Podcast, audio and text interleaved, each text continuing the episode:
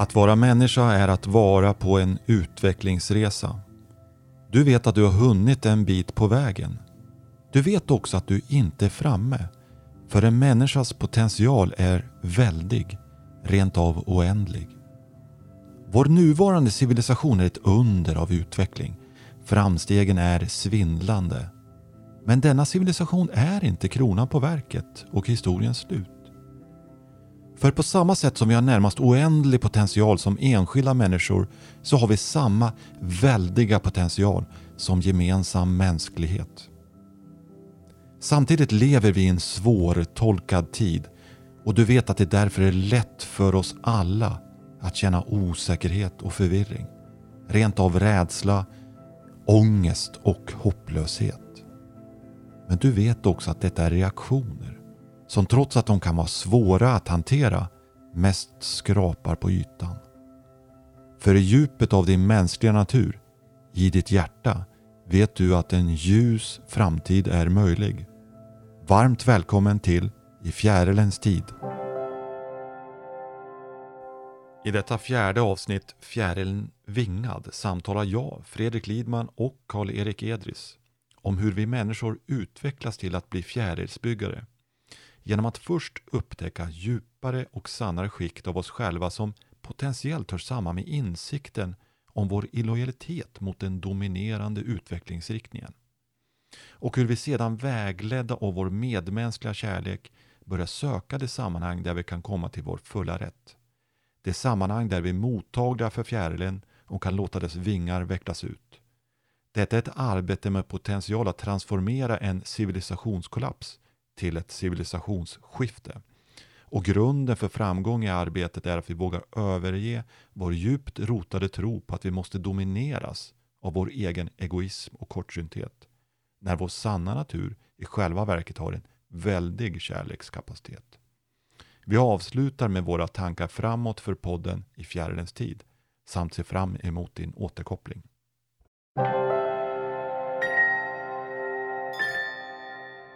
Jag stod nere i en vapenvårdslokal eh, på Hälsinge regemente i Gävle eh, då det hände. Jag var 19 år gammal, hade några månader tidigare så hade jag gått ut gymnasiet och direkt på gymnasiet så ryckte jag in i lumpen. Och på den tiden så gjorde de flesta män värnplikt och jag var en av dem så jag skulle 15 månader ska jag göra värnplikt som kompanibefäl hette det. Jag tyckte första månaderna var skit. det var det inte. Alltså ta...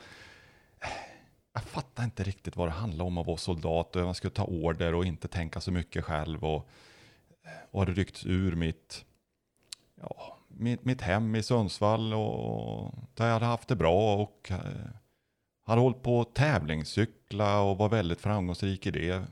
Och så skulle jag helt plötsligt göra lumpen som kompanibefäl och men där är vapenvårdslokalen några månader senare, då är vi på hösten 1985. Så skulle vi börja, jag och några kamrater skulle börja utbilda varandra. Vi skulle ju bli befäl, då ska man kunna utbilda. Och det var som en Liljeholmens, ett ljus som tändes i mig. Jag bara gick igång, jag bara vaknade till liv. Och det var ju utbildarting kulsprutor och granatgevär. Och så. Alltså som jag i, i grunden, även om jag var officer, helt ointresserad av. Vapen är liksom ingenting som intresserar mig. Så alltså det var ju för mig, men det var att börja utbilda varandra och lära sig metoder för det. Och det var, och jag kan fortfarande känna hur det gick igång i mig själv någonting. Och efter det var det verkligen medioker bland menar, de andra eh, befälseleverna där så, så vaknade någonting i mig så jag kom igång liksom. Och sen kom ju ledarskapet när man skulle ut och träffa de andra värnpliktiga som man skulle leda. Så gick jag också igång på. Så det som jag har förstått senare är att läraren i mig gick igång. Som 19 år gammal. Och nu har jag hållit på att vara lärare inom ledarskap i bra lång tid också. Och det är en djupare sak i mig själv som är otroligt viktig. Jag vill sen beskriva en annan sak. Det var ett år senare, lite knappt ett år senare, var beslutet på värnplikten.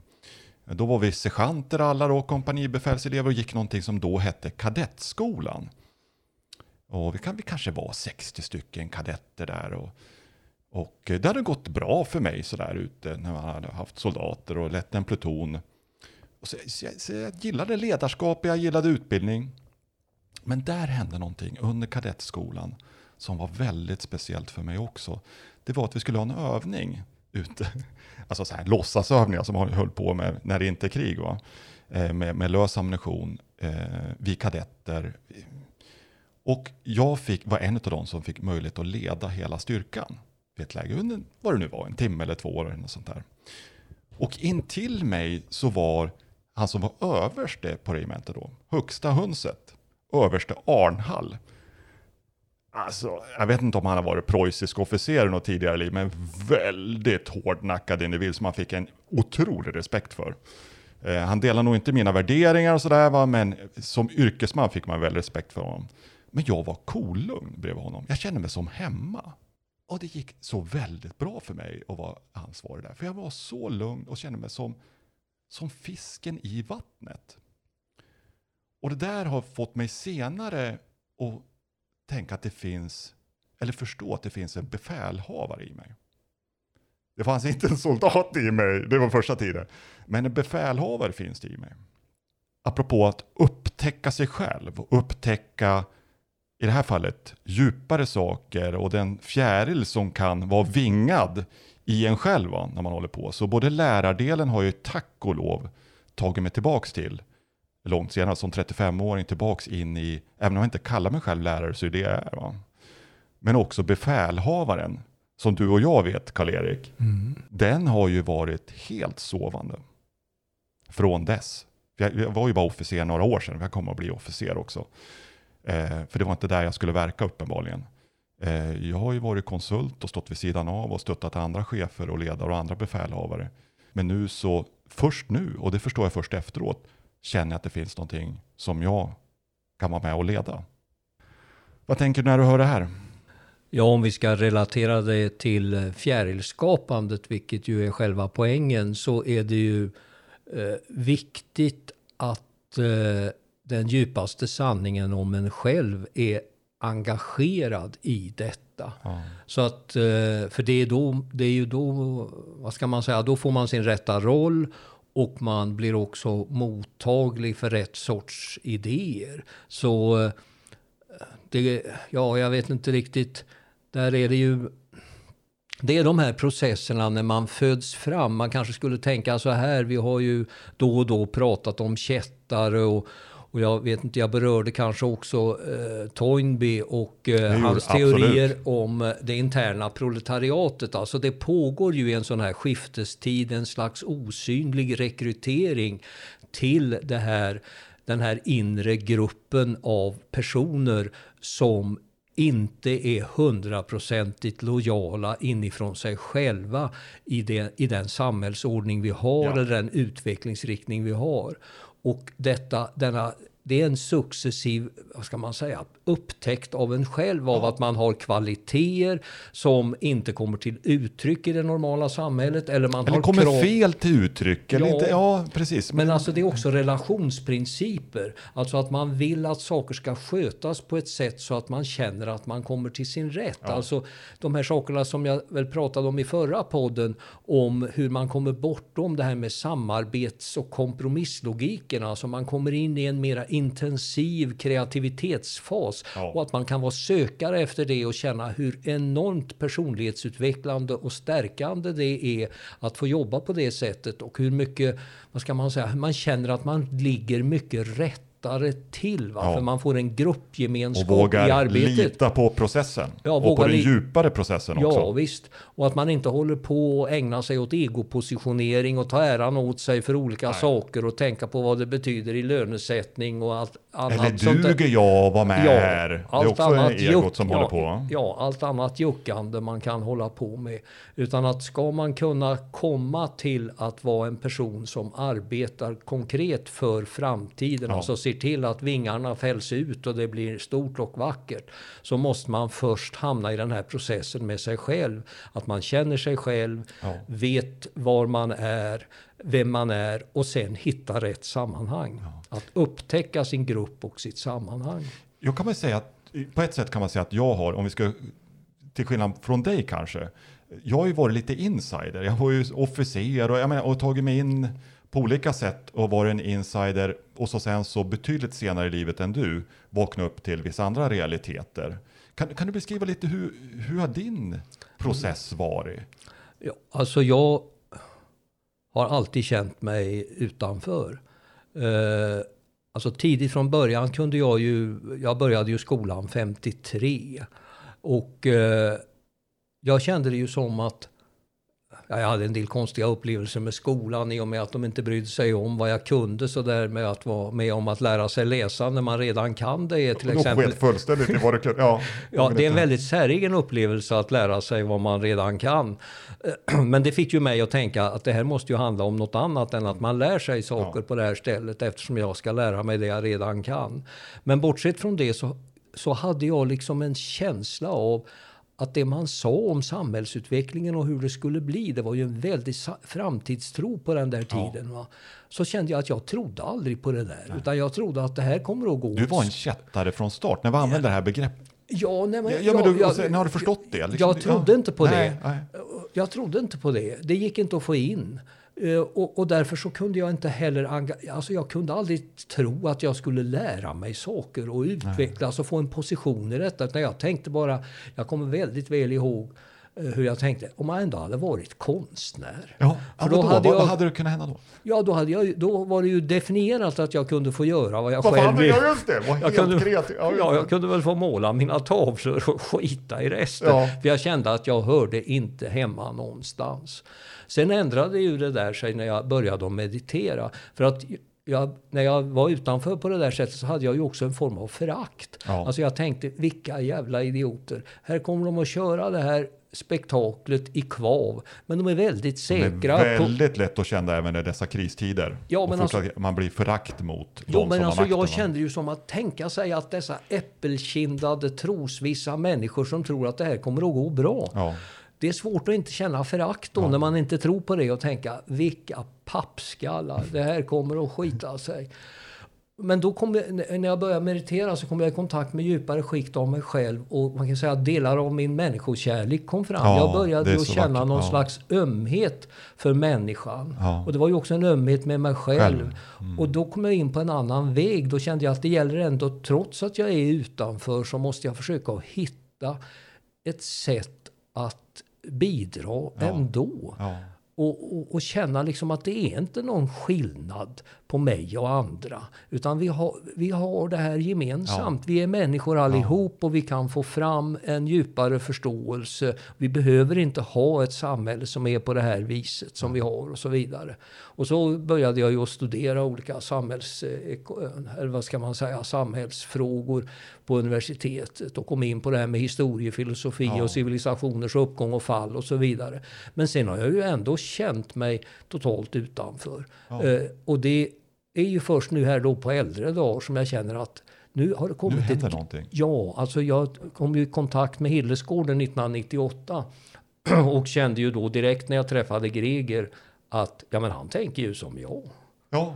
Och det var ju för... Ja, ni är verkligen helt olika som personer. Ja, ja men, men det är ju en annan sak. mentaliteten bakom ja. Ja, men det är ju en helt... Det är skit. Ja, jag, jag, jag är, det har inte med ja, det att göra. Nej, det spelar ingen roll. Utan jag tänkte, en person som tänker som ja, jag.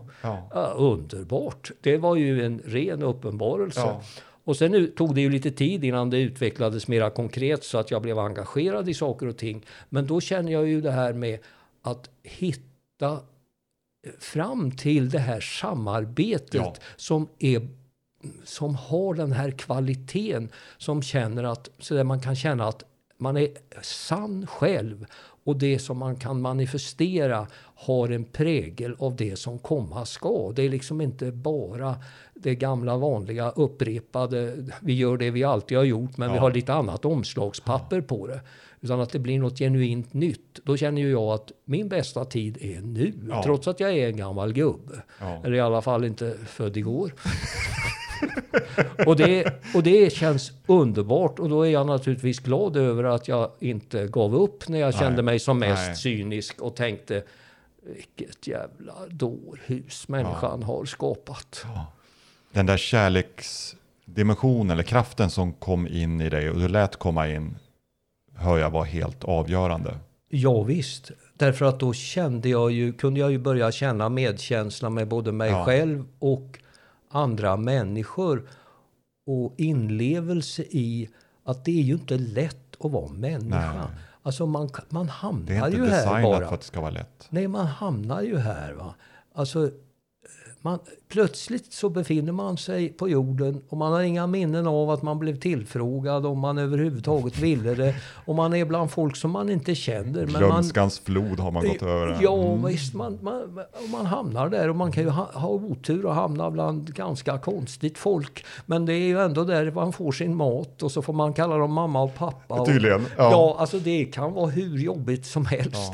Men samtidigt så känner jag ju så här att vi har ju berättelser om människan som gör att vi inte vågar tro på våra goda och bästa sidor. Ja.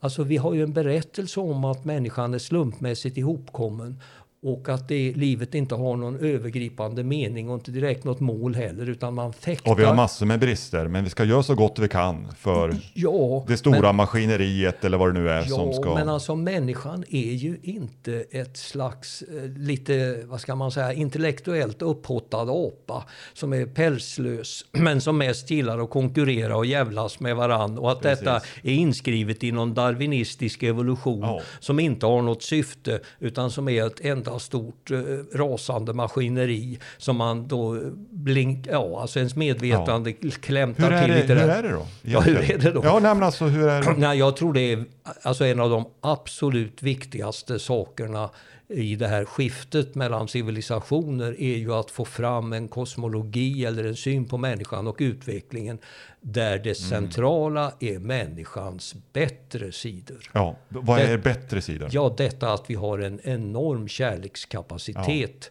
om vi vågar tro på den. Ja. Vi har ju i den kristna civilisationen blivit lärda att det finns en ofantlig kärleksexpert. Ja, det var han va? nämligen, Resten är ju Ja, medan vi andra är syndare, eländiga syndare. syndare. Eländiga Ja, syndare. vad bra att vi slog oss bort från det paradigmet. Ja, men vi har fortfarande samma syn på oss själva, att vi egentligen är ett egoistiskt djur. Ja, som nu ser till att förstöra världen och naturen va? Ja, men detta behövs inte.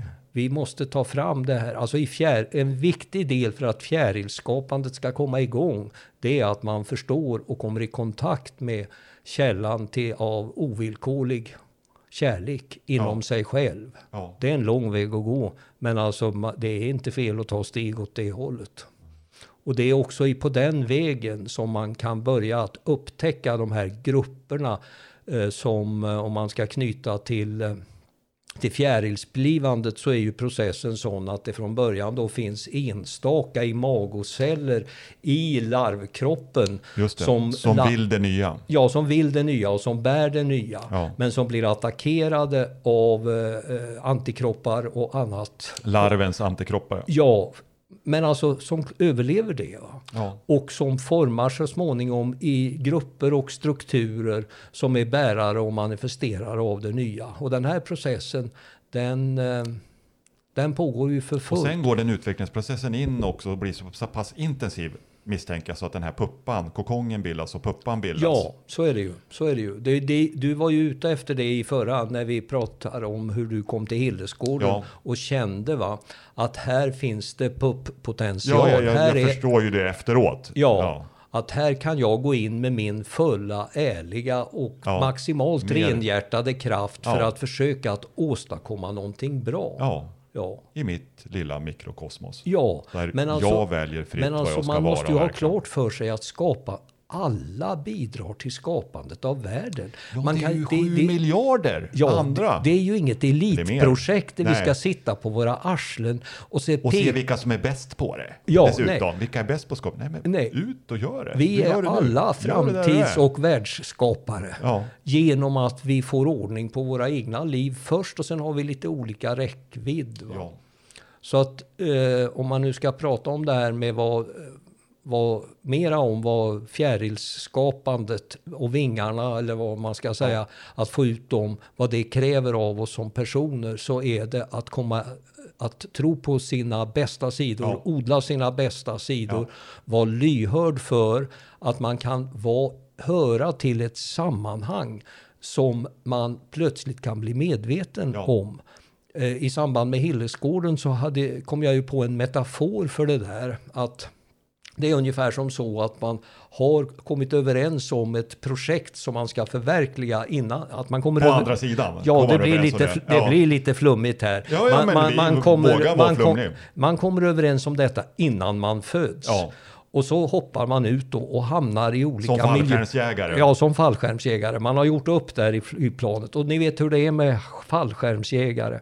Jag menar, en del blir ju hängandes i ett träd och andra blir skjutna. Och, Och man hamnar i något träsk istället va? Ja, jag tänker ja. på D-dagen 1944. ja, det gick som det ja, gick. det gick va. som det gick va? Det Det, blev beror en- på vad planet det blir nedskjutet. Ja, det blir, eller, men ja. alltså själva idén är när man väl har landat så en del kommer ihåg vad som var uppdraget. Ja. Och så har man kanske kommit överens om en plats där man skulle samlas. Precis, återsamlingsplats. Och sen hade man dessutom, de hade ju förband, de hade ju någon sorts ljud, någon, någon Ja. sorts knäppare. Ja. För att i mörkret kunna känna igen, är det en tysk där eller är det någon i mitt Ja. förband? Va? För Ja. också, man Ja. hittar ljuden som, ja men det är nog någon i mitt Ja. förband där va? Ja, och då känner man, så den här processen kan man säga, uppvaknandeprocessen Ja. för i vilket sammanhang jag verkligen bäst Ja. kan komma till min rätt. Ja. Detta är ett led i utvecklingen som person till fjärilsarbetare. Det är att först kommer man i kontakt med sina bättre sidor hos sig själv. Ja.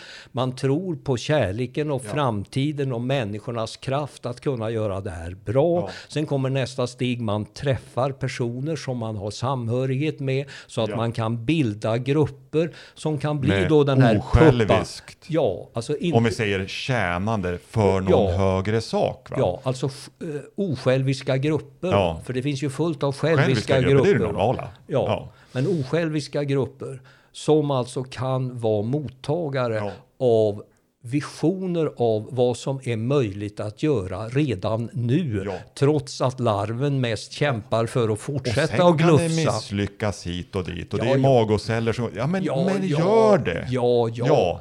Alltså det är, lite, det är ju alltid spill i det här. ja, eller hur? Men att ärligt försök är aldrig fel. Ja. Så, eh, ja, så det, det vi vill nå då till exempel med podden det är ju detta att man ska börja tänka kring om inte jag personligen är en person som är på väg mot att bli en arbetare för det nya. Ja. Och hitta konstellationer och sammanhang där jag kan ge energi till detta. Och jag tror den här podden med de som förhoppningsvis lyssnar, några av dem, de är ju redan där. Ja, Så det blir naturligtvis. stärkt i, ja just det. Ja, som jag man- också behöver bli stärkt i, men jo, jag behöver lägga kraft på det Ja, här alltså- också. Förutom mitt vanliga liv. Jo, men alltså det är också detta att man ska kunna känna igen varandra. Den där knäpppratet som du körde med förut. Ja, ja. Det är väldigt viktigt att man lär sig att känna igen. Alltså anledningen att jag tog dig till Hillesgården. Man kan ju säga så här att när vi började så hade jag inte en tanke Tack på... och lov visste varken du eller jag det. Nej, jag hade inte en tanke på utan jag tänkte det att ja men det här Det är ju bara- en snäll, om man ska säga rått hur det var så tänkte jag, jag tänkte det där är ju bara en snäll handelshögskolepojk. Och det var ju så vi, också. Ja, och vi pratade med varandra och jag tänkte vad får han ut av detta? Men han vill ju det. Och så fortsatte det där. Men sen hände det saker i samband med finanskrisen då jag kom då jag kände att du ville ha saker som gjorde att jag tänkte tanken Jaha, nu måste jag ta upp mitt hemliga liv. Alltså de saker som jag inte hade talat om. Och då- det som ledde till Hillesgården och till det här arbetet och att vi sitter här. Med det var andra saker. Ja, På annat sätt att säga det, så det finns djupare sätt saker i var och en av oss. ja. Vi är alla lika. Vi är alla lika. Alltså inget är sannare om människan än jämlikhet. Ja. Att vara människa, är, det finns samma potential i alla. Ja, Och därför så ska ju alla människor behandlas med respekt. ja. Och ibland kan det ta lite tid innan man upptäcker vissa saker hos sig själv. Men det är livet. alltså det är att upptäcka Ja, saker efterhand om sig själv och vad det innebär att vara människa. Ja, alltså det här är ju en utvecklingsprojekt. Man kommer ju inte hel och färdig, utan man kämpar ju på. Ja. Ja. Så, och sen om man skulle kunna... Sen, alltså det är ju svårt att måla upp eh, vad framtiden kommer att innebära i, när det gäller civilisation, hur en ny civilisation skulle kunna se ut. Därför att det är ingen målrationalitet i det här. Utan det är ett upptäckande. Alltså att koordinationen av hur det ska bli, den finns på en nivå som inte hålls i ett medvetande. Nej. Utan mänskligheten har tillsammans eh, möjlighet att förverkliga det. Men då måste vi ju bli, eh, vad ska man säga, gruppmedvetna som mänsklighet så småningom. Och ta oss tid att lyssna inåt, ja, var och en av oss. Ja, alltså man kommer inte Ordentligt till, lyssna inåt. Ja, för det är en helt annan sak om man har ett rationellt mål och så säger vi så ska vi förverkliga det här. Ungefär som när man bygger ett hus, man ja. har gjort ritningen och ja. så säger man sen är det färdigt. Men då har det inte det det liv som ett Nej. sånt här projekt har. Alltså för det som är otroligt fantastiskt om man tänker på skapandet av nya civilisationer. Den här historien om Tiberius som jag drog för några avsnitt sen. Alltså det gick ju inte att förstå vad det innebar. Utan det hände bara. Och sen visade det sig att den där visionen, alltså den, det, de fungerar ungefär om man kan tänka sig att nu har vi ju droppsmitta här och corona. Men alltså den här visionen om en ny civilisation, ja. det är lite grann som droppsmitta jo, men, också. Ja. Det blåses in i den mänskliga ja. atmosfären. Och, och några som fångar upp det och sprider det vidare i positiv mening. Här. Ja, och blir då färgade av ett annat sätt att tänka ja, ja. som gör att de får nya mål Ny och det bygger upp något nytt. mentalitet. Ja, och det, och det där är en process som inga egon har koll på. Nej. Utan det är sånt som händer. Va? Alltså att det finns en ordning. Sen kommer ego, eh, antikroppar ja, försöka sabba för en själv. och så men, men, det är en annan sak. Det är en annan sak. Det får vi ta. Imagocellerna har kraft. Ja, och har, har den här, alltså att det finns bortom våra egon ja. så finns informationen om hur vi ska göra. Och det är därför som det är så viktigt att Alltså för det är ju lätt om man är den, vad ska man säga, extroverta och i yttre saker engagerade, mera politiskt ekonomiskt tänkande typen, så är det lätt att glömma bort sig själv. Ja. Och man börjar att fäkta om vilket som är den bästa idén. Ja. Men man måste komma tillbaka till sig själv och arbeta på sina egenskaper för att få fram det bästa hos sig själv. För civilisationsskiften handlar om en annan mentalitet, ett annat sätt att se på människan. Tack Karl-Erik. Jag tänkte som eh, avslut här på våra första avsnitt att vi säger bara någonting om våra tankar framåt. Vi kommer nu lansera de här poddarna och se vilken feedback vi får. Sen så har vi en idé, men vi får se om det är rätt idé. Det beror ju på feedbacken. Det är att bjuda in en gäst åt gången mm. i nästa säsong om vi vågar kalla det det. Så det är tanken och vill jag dela med er till er som har valt att lyssna så här lång tid. Där jag programleder och Karl-Erik, du är med, också någon person som kämpar där ute i fjärilskapande.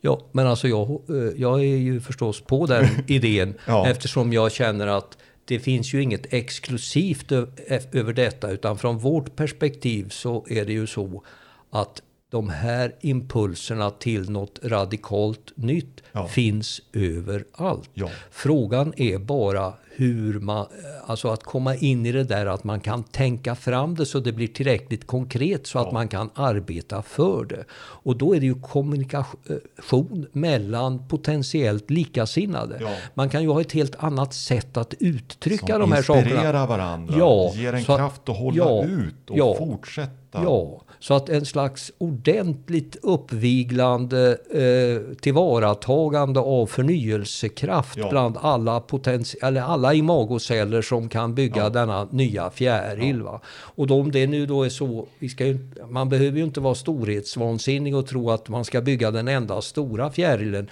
Utan vi kan ju ha en hel svärm ja, av fjärilar. Ja, det är så det kommer, såklart. det är decentraliserat. Jag, jag tänker på den här, det är ju i och för sig en lustig bild, men EVK, en sån här politisk tecknare, han ja. ritade ju en bild av Mao en gång i tiden som ja. bestod av små bilder av Mao. Ja, det, och, och, då kan man ju tänka sig att vi har en stor fjäril som är, ut, konstitueras av många små fjärilar. Så uh, vi jobbar med våra småfjärilar i de sammanhang där vi är och så blir det den stora magnifika jordiska fjärilen och uh, människan förverkligar sina bästa sidor.